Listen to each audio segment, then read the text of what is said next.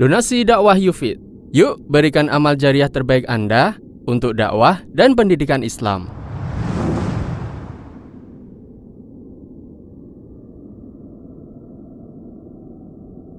Bismillahirrahmanirrahim. Assalamualaikum warahmatullahi wabarakatuh. Alhamdulillahirabbil alamin. Wa Wabihi nasta'inu على أمور الدنيا والدين وصلى الله على نبينا وسيدنا محمد وعلى آله وصحبه أجمعين أما بعد Kita panjatkan pujian dan syukur kehadirat Allah Subhanahu wa taala. Pada kesempatan yang berbahagia kali ini malam Sabtu tanggal 29 Dzulqa'dah 1439 Hijriah atau yang bertepatan dengan tanggal 10 Agustus 2018 kita masih kembali diberi kekuatan, kesehatan, hidayah serta taufik dari Allah Jalla wa Ala sehingga kita bisa kembali menghadiri pengajian rutin untuk membahas adab dan akhlak yang kita ambil dari kitabul jami' dari kitab Bulughul Maram yang ditulis oleh Imam Ibn Hajar Al-Asqalani rahimahullah kita berharap semoga Allah Subhanahu wa taala berkenan untuk melimpahkan kepada kita semuanya ilmu yang bermanfaat sehingga bisa kita amalkan sebagai bekal untuk menghadap kepada Allah Jalla wa Ala. Amin. Salawat dan salam semoga senantiasa tercurahkan kepada junjungan kita Nabi besar Muhammad sallallahu alaihi wasallam kepada keluarganya, sahabatnya, dan umatnya yang setia mengikuti tuntunannya hingga akhir nanti. Para hadirin dan hadirat sekalian yang kami hormati, Alhamdulillah pada pertemuan terakhir kita, kita telah menyelesaikan pembahasan tentang hadis nomor 22. Kali ini kita akan memasuki hadis baru yaitu hadis nomor 23 yang disebutkan oleh Imam Ibn Hajar Al-Asqalani dalam kitab beliau Bulughul Maram Kitabul Jami' Kali ini kita akan membaca sebuah hadis yang diriwayatkan oleh Imam Bukhari yang berbunyi wa an Abdullah bin Amr ibn al-As radhiyallahu anhuma dari seorang sahabat Nabi SAW yang bernama Abdullah ibnu Amr ibn al-As Semoga Allah meridhai beliau dan juga ayahnya. Abdullah ibnu Amr ibnu Al-As. Anna Rasulullah sallallahu alaihi wasallam qala sesungguhnya Rasulullah sallallahu alaihi wasallam bersabda minal kabairi syatmur rajuli walidayhi termasuk dosa besar seseorang memaki kedua orang tuanya.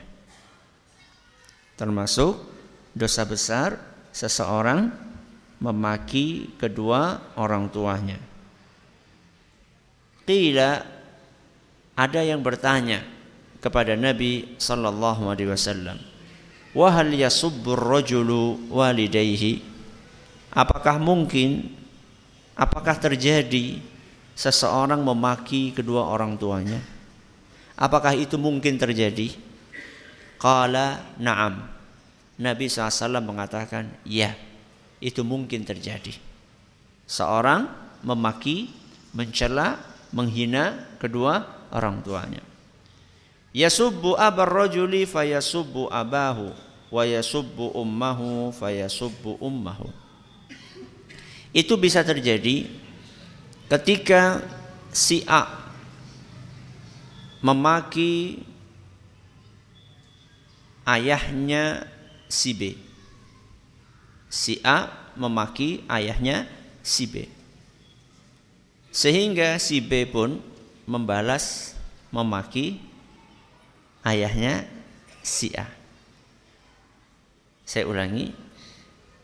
Itu mungkin terjadi dengan cara si A memaki ayahnya si B.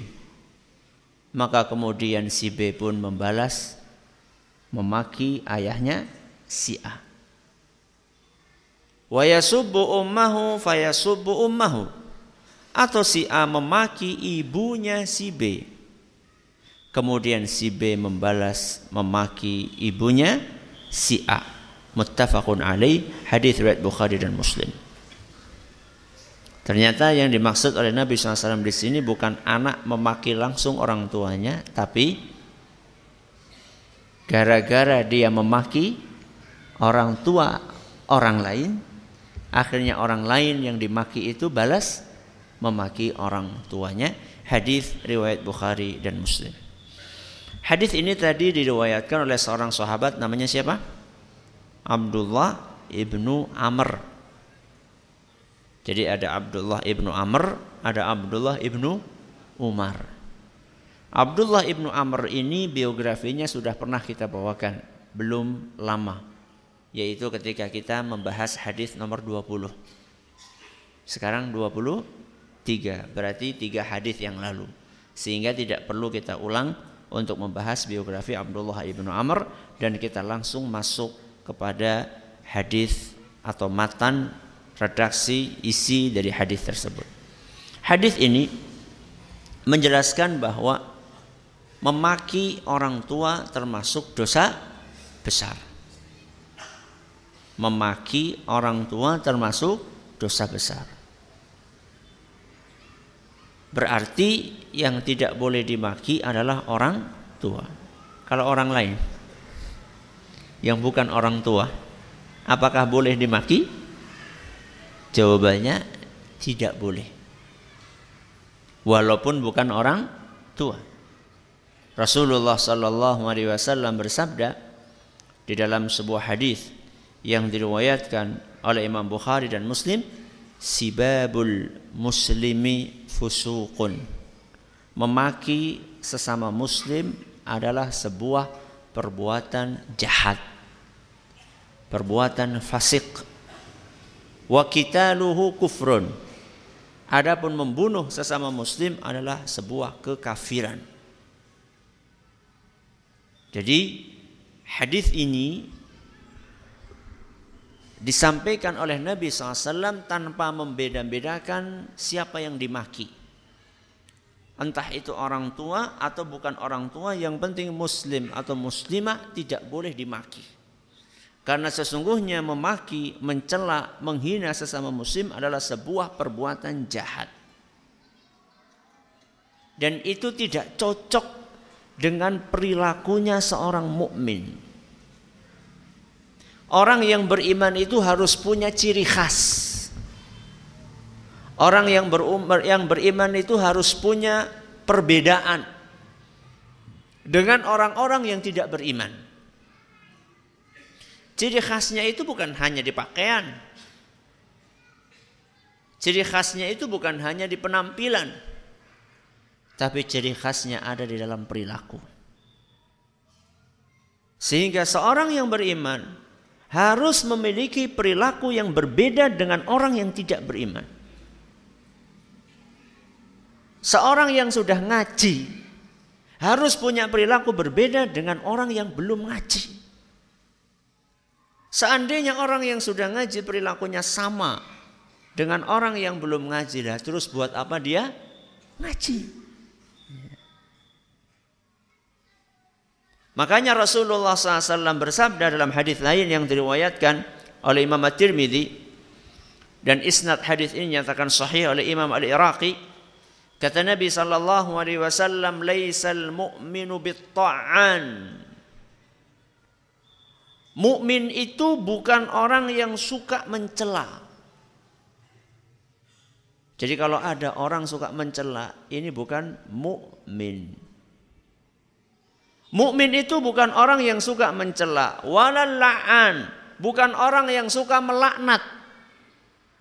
Walal fahish, bukan orang yang perilaku dan tutur katanya kotor.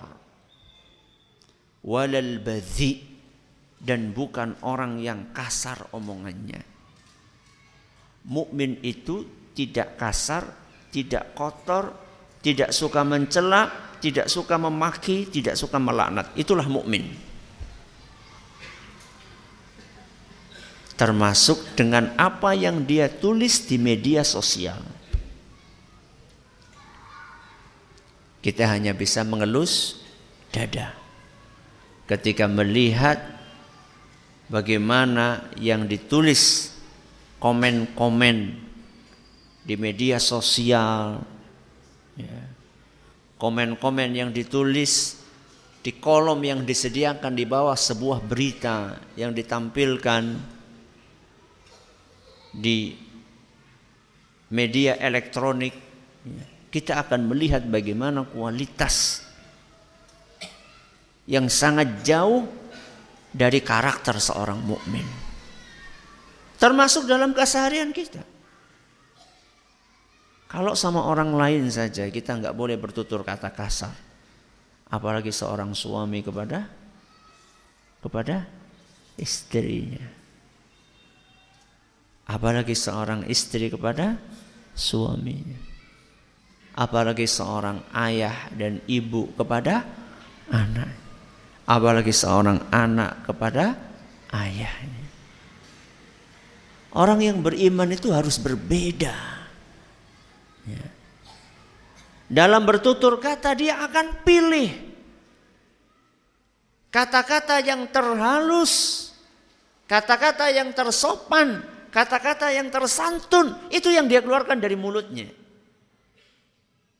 Termasuk ketika akan SMS, termasuk ketika akan WA, termasuk ketika akan komen di media sosial atau di media elektronik, dia akan pikir. Bahkan dalam memilih font, huruf, itu saja dia pikirkan. Apalagi memilih kata-katanya. Banyak orang nggak paham kalau nulis SMS huruf besar semua itu kesannya kayak orang lagi marah. Dia nggak tahu deh. Mudah-mudahan setelah dikasih tahu jadi tahu. Sudah huruf besar semua ditambahi tanda seru. Gak cukup satu, tiga. Ustadz tanya tanda tiga, seru tiga. Kiwo ngarep kesuh apa ngapa ki? gawe perkara apa huruf besar semua ditambahi tanda seru tiga itu kalau diterjemahkan dalam percakapan keseharian kira-kira tatakon kira-kira seperti itu ya. apa etis ya.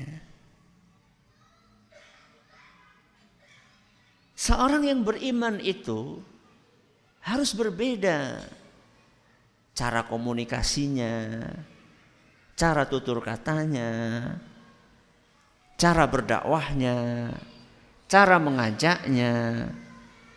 Apalagi orang yang sudah ngaji, apalagi orang yang sudah lama ngaji. Aisyah radhiyallahu anha, ummul mukminin, ibunda kita, bercerita. Dalam sebuah hadis yang diriwayatkan atau dalam sebuah hadis yang sahih. Kata beliau istadzana rajulun ala Rasulillah sallallahu alaihi wasallam. Pada suatu hari ada orang minta izin pengen ketemu dengan Rasulullah sallallahu alaihi wasallam. Biasanya kalau orang pengen bertamu ke rumah Rasul SAW dia akan menyampaikan kepada yang pembantu Nabi SAW yang biasa jaga di luar. Aku pengen ketemu dengan Nabi SAW. Maka kemudian Nabi SAW bertanya itu siapa yang pengen ketemu? Maka pembantunya mengatakan, oh fulan pengen ketemu. Sebutkan apa? Namanya. Jadi Nabi SAW sudah punya gambaran akan bertemu dengan siapa. Maka dalam kisah yang tadi diceritakan oleh Aisyah radhiyallahu anha, Nabi SAW berkata, lahu. Ya, tidak apa-apa. Silahkan masuk. Kasih tahu dia, diizinkan untuk ketemu dengan aku. Bi'sa ahul asyirah atau ibnul asyirah. Orang ini yang akan ketemu ini jahat. Orangnya jahat. Itu komen Nabi SAW. Ini orangnya buruk perangainya. Nabi SAW komen yang komen itu didengar oleh Aisyah radhiyallahu anha dan juga didengar oleh pembantunya. Begitu Nabi SAW mendengar nama orang yang akan berkunjung, Nabi SAW sampaikan ini orang tutur katanya kasar, nggak baik. Falamma dakhala alana lahul kalam. Tapi begitu orang itu masuk, ketemu sama Nabi SAW, ternyata Nabi SAW bertutur kata dengan sangat halus kepada orang tadi. Padahal orang itu adalah orang yang kasar perilakunya. Setelah selesai urusannya, Aisyah radhiyallahu anha penasaran. Penasaran dengan apa? Penasaran dengan apa? Dengan kesantunan Nabi kita SAW dan kelembutan tutur katanya kepada orang tadi padahal sebelumnya Nabi SAW sudah mengatakan ini orang jahat. Ini orang kasar. Tahu-tahu Nabi SAW menemui orang tersebut dengan kata-kata yang halus, yang santun. Maka Aisyah bertanya, Ya Rasulullah, Qulta alladhi qulta thumma alanta lahul kalam. Wahai Nabi SAW, bukankah tadi engkau sudah berkomentar di awal? Orang ini jahat, orang ini kasar. Kenapa kemudian ketika engkau menemui dia, engkau bersikap, bertutur kata dengan halus dan lembut? Maka Nabi SAW menjawab, "Ai Aisyah, eh wahai Aisyah, inna syarran nas man tarakahun nas ittiqa'a fuhshihi." Orang yang paling tidak baik, orang yang paling jahat adalah orang yang dijauhi oleh orang lain karena orang lain tidak mau terkena getah sikap jahatnya. Nabi SAW mengatakan, saya ulangi, orang yang paling jahat adalah orang yang dijauhi oleh orang lain karena orang lain tidak pengen terkena getah kejahatannya. Nabi SAW ingin menjelaskan bahwa tadi beliau bertutur kata halus supaya tidak kena getah getah dari kejahatan orang tersebut. Tidak pengen Nabi SAW kena kekasarannya. Sekaligus mengajarkan kepada umat ini bahwa membiasakan bertutur kata halus sekalipun dengan orang yang kasar itu adalah sebuah kemuliaan akhlak. Kalau sama orang yang kasar saja kita disuruh disuruh halus. Apalagi sama orang yang halus. Ya. Kalau sama orang yang belum ngaji saja kita disuruh santun, apalagi sama temen yang sama ngaji. Ini menunjukkan kepada kita bagaimana mulianya akhlak beliau. Sekaligus menunjukkan betapa buruknya orang yang dijauhi oleh orang lain karena kekasarannya. Kan sering kan kita temukan orang ngapa sih orang anak? Lah jen mola orang orang penak ngomong karo kayak nek ngomong nyenebi. Berarti orang ini dijauhi. Ya. Karena orang lain nggak mau kena getahnya karena dia ini jahat, tutur katanya kasar. Sehingga orang gak mau deket-deket sama dia.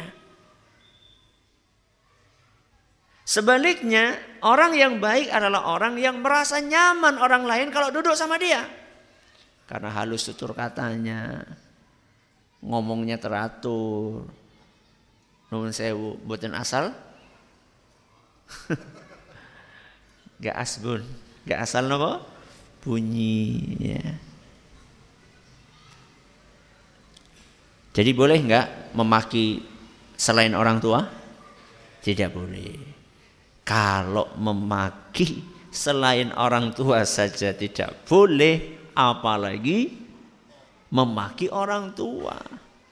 Makanya wajar seandainya Nabi SAW mengatakan minal kabairi termasuk dosa besar.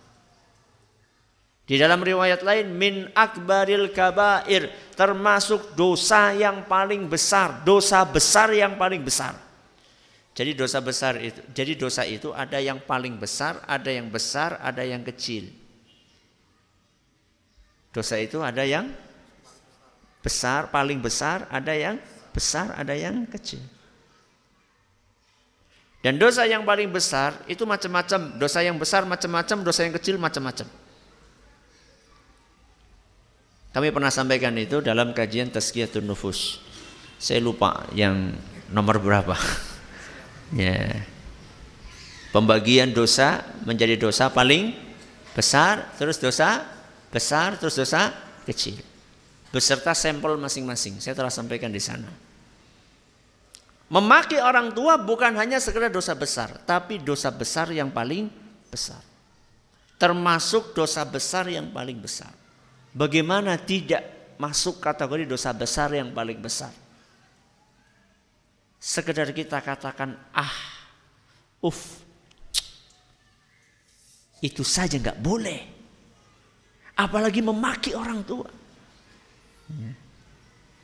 Di dalam Al-Quran surat Al-Isra ayat 23. Surat Al-Isra ayat 23. Allah Subhanahu wa taala berfirman, fala taqul lahuma uff. Fala taqul lahuma uff. Jangan pernah kalian sekali-kali mengatakan kepada orang tuamu uff. Ah.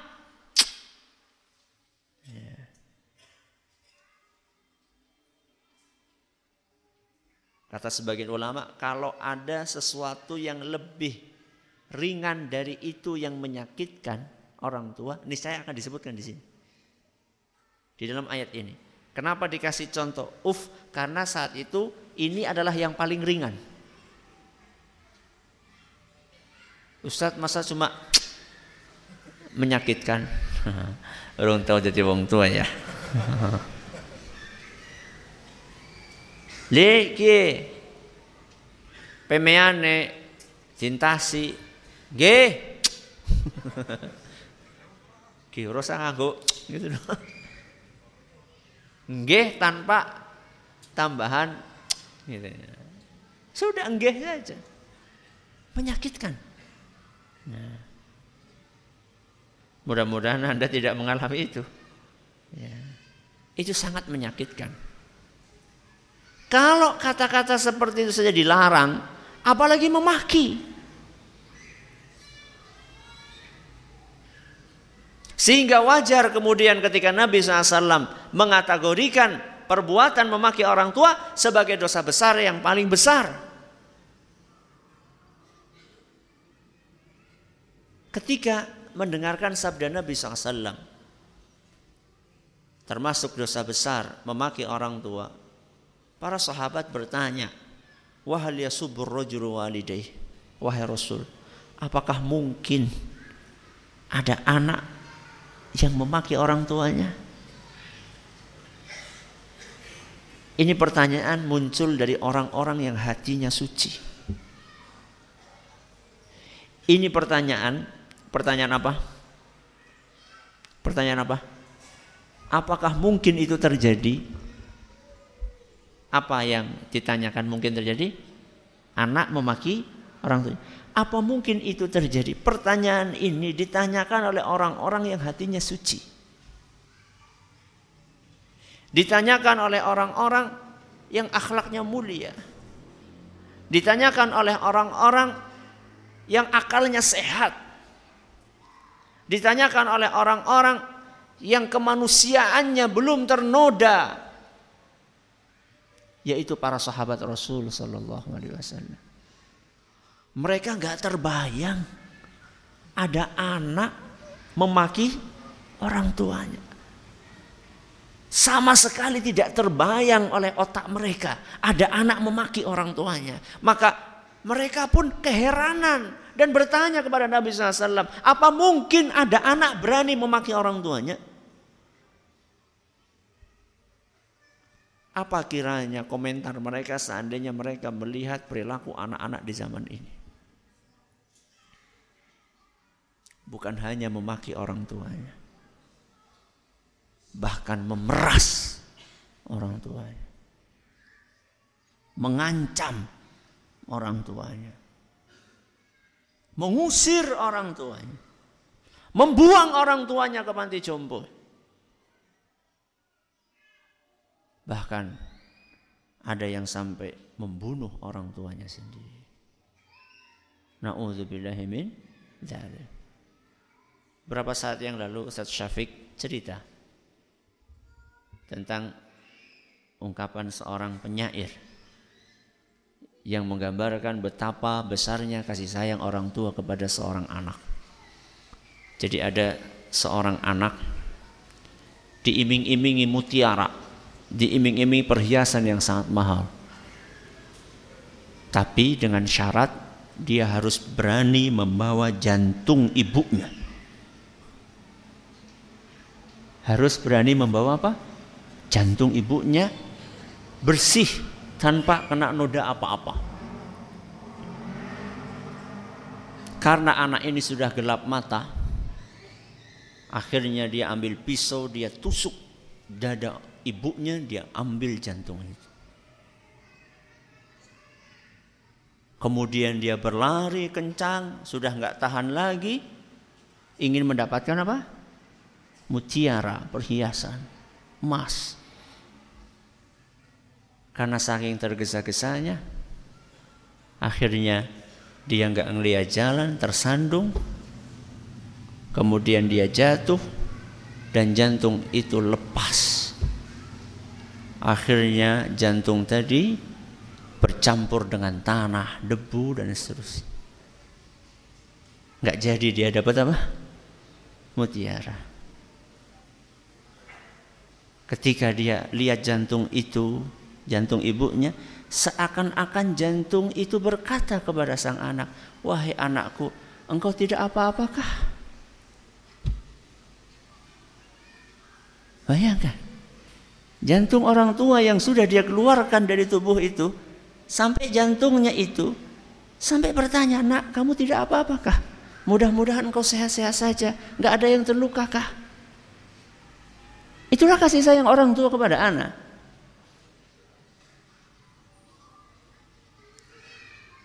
Maka Nabi kita Muhammad sallallahu alaihi wasallam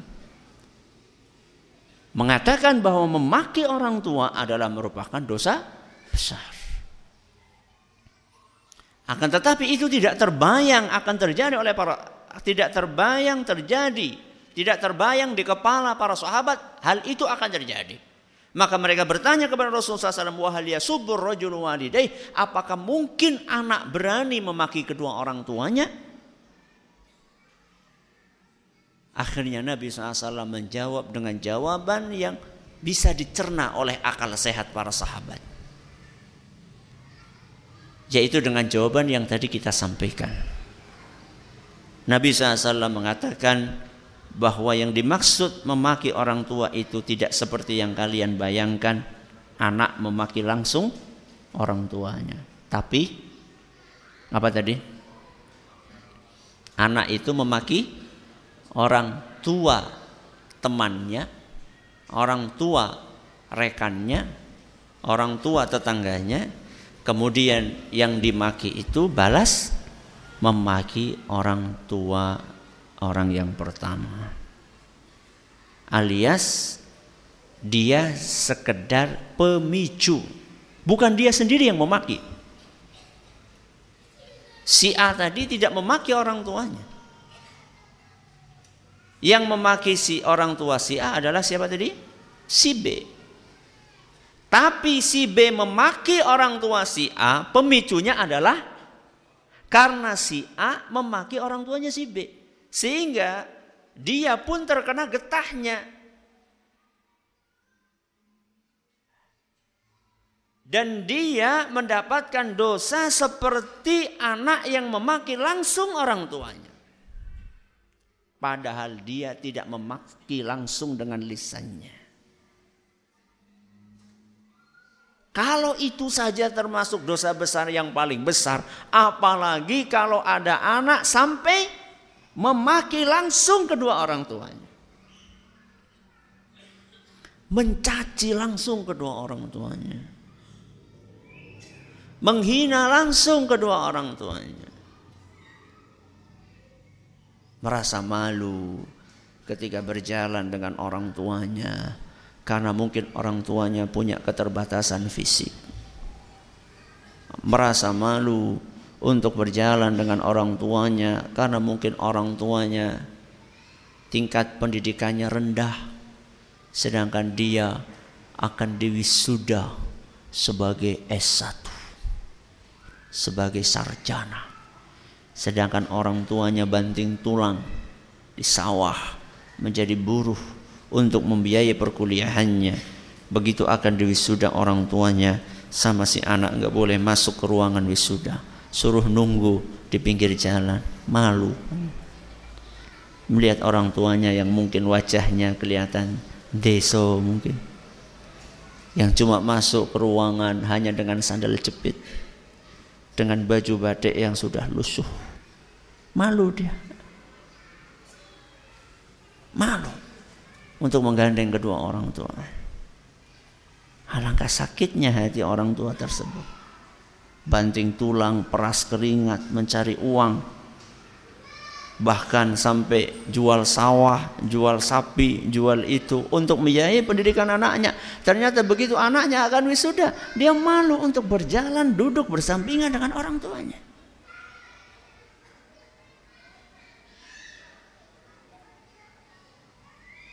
Maka Nabi SAW mengategorikan perbuatan itu sebagai dosa apa?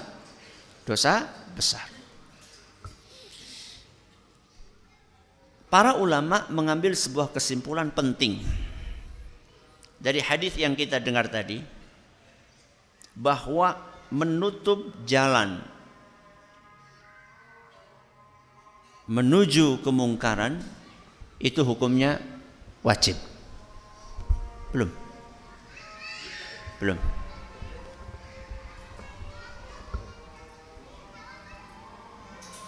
Menutup jalan menuju apa?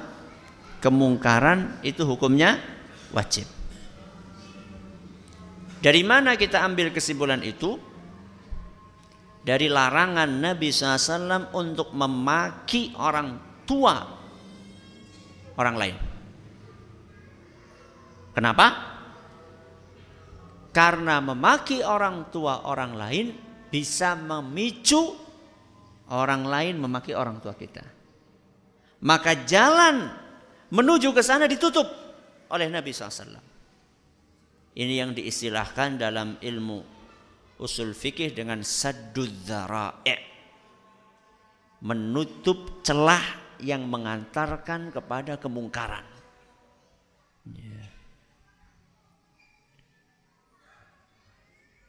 Makanya di dalam Al-Quran kemarin kita sudah bawakan firman Allah wala taqrabu zina.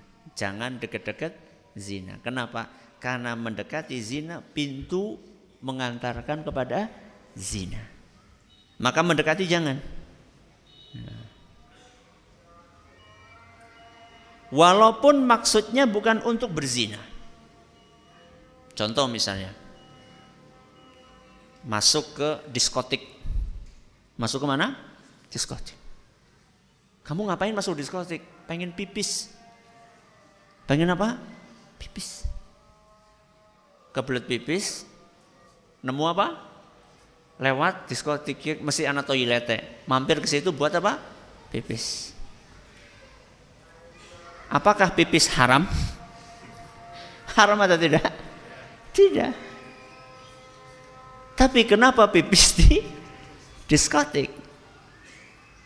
Orang yang masuk ke diskotik sangat mungkin terkena getahnya maksiat yang ada di diskotik.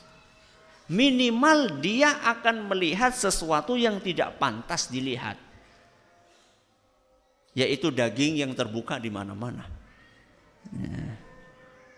Minimal itu. Maka masuk ke diskotik walaupun tujuannya sesuatu yang halal, sesuatu yang boleh yaitu buang air kecil, itu tidak boleh. Karena bisa mengantarkan kepada kemungkaran. Nanti saya akan jelaskan contoh-contoh yang lainnya. Silahkan azan dulu. Alhamdulillah Rabbil Alamin Wassalatu wassalamu ala nabiyina Muhammadin Wa ala alihi wa sahbihi ajma'in Amma ba'd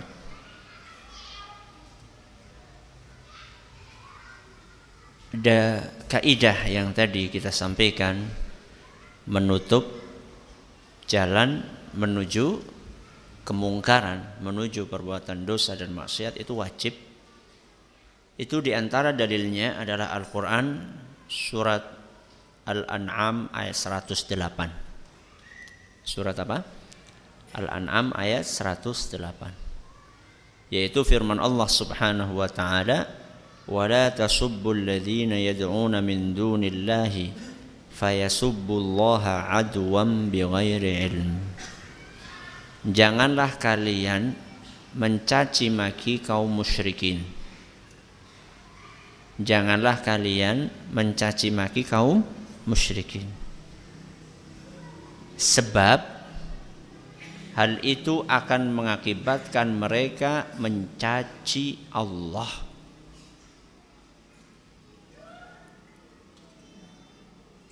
Saya ulangi, janganlah kalian mencaci kaum musyrikin. Sebab akibatnya mereka akan balik mencaci maki Allah.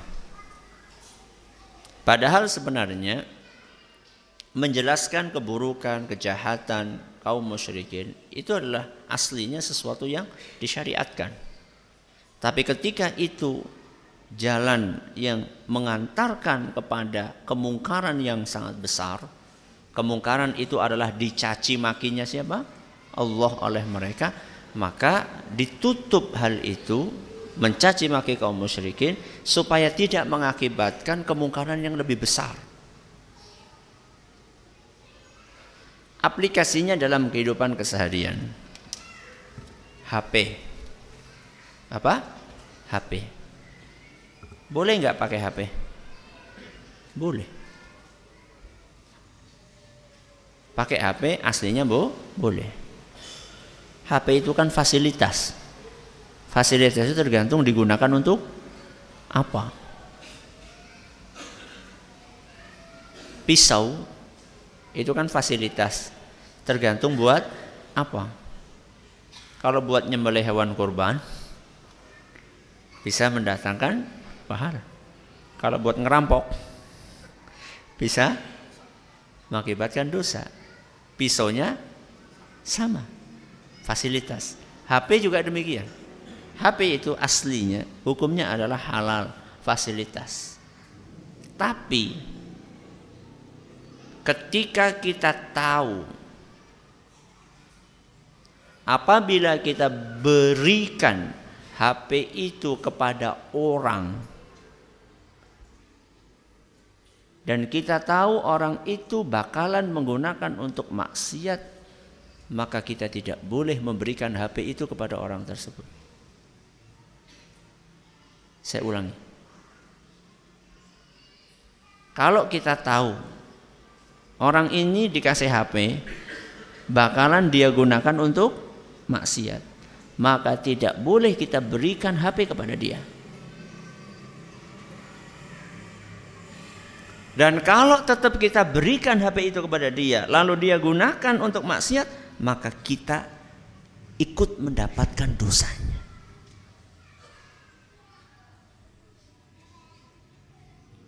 TV sama, internet sama. Kalau kita tahu menyediakan televisi di rumah, bakalan digunakan untuk nonton sesuatu yang tidak pantas untuk ditonton. kok tetap kita sediakan TV itu, kita yang beli, walaupun kita tidak nonton, yang nonton anak, istri, keluarga kita, maka kita yang membelikan dapat dosanya. Fasilitas internet. Ketika kita tahu bahwa fasilitas internet itu akan digunakan untuk perbuatan dosa dan maksiat, lalu kita sediakan, maka kita yang menyediakan akan kena getah dosanya. Ini aplikasi dari kaidah yang tadi kita pelajari di atas. Pintu yang mengantarkan kepada perbuatan dosa tutup. Maka pikir masak-masak. Sebelum memberikan fasilitas-fasilitas kepada keluarga, anak, istri kita. Keluarga kita, anak kita, istri kita. Apakah fasilitas itu akan digunakan untuk kebaikan atau keburukan?